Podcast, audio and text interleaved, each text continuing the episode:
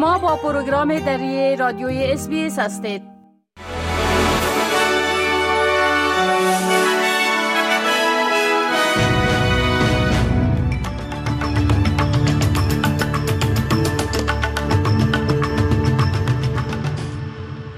با عرض سلام ما صاحب شکیب شما را به شنیدن مهمترین اخبار امروز 28 ماه جولای سال 2023 دعوت می کنم.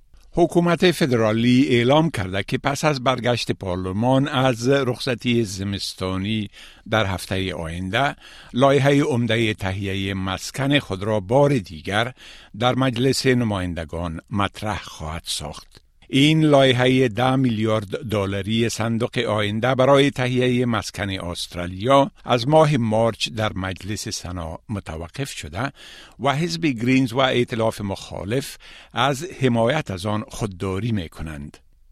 وزیران ارشد ایالات متحده برای گفتگوهای در مورد امور خارجه و امور امنیتی به استرالیا آمدند. انتونی بلینکن وزیر امور خارجه و لوید آستن وزیر دفاع امریکا در چند روز آینده با ریچارد مالز وزیر دفاع و پینی وانگ وزیر امور خارجه استرالیا دیدار خواهند کرد.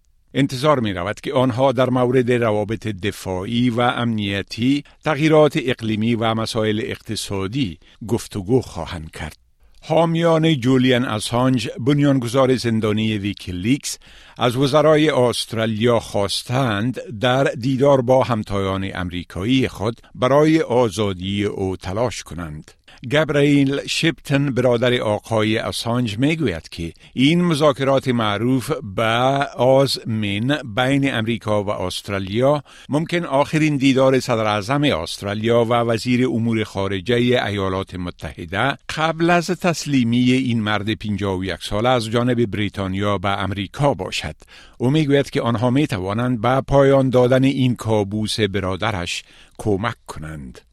معاون کمیشنر پلیس نیو ساوت ویلز می‌گوید که یک دسته عملیاتی خاص جدید که برای تحقیق ارتباط بین سیلی از گلوله باری های اخیر و جرایم سازمان یافته ایجاد شده می تواند در صورت لزوم گسترش بیابد.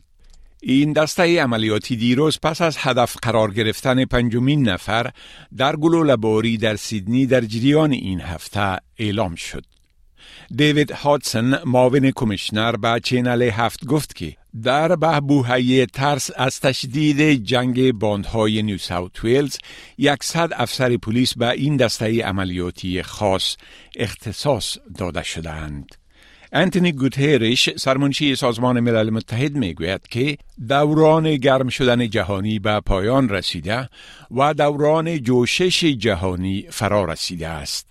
معلومات جدید سازمان جهانی هواشناسی نشان می دهد که جولای گرمترین ماه ثبت شده در تاریخ بشر خواهد بود.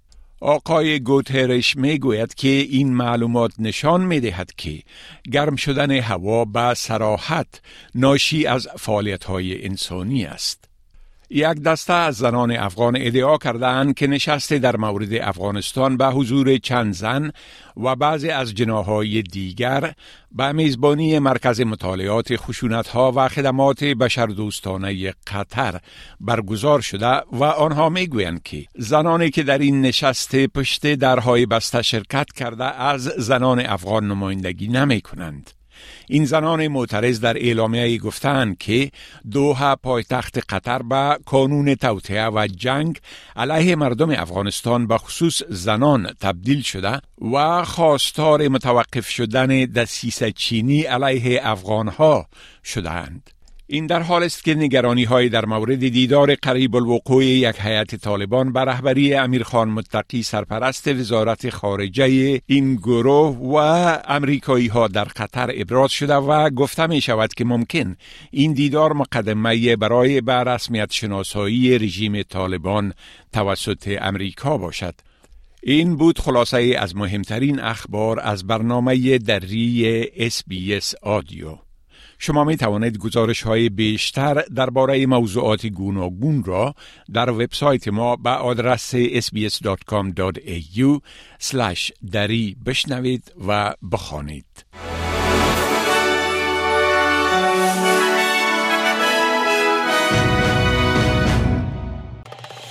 بپسندید، شریک سازید و نظر دهید.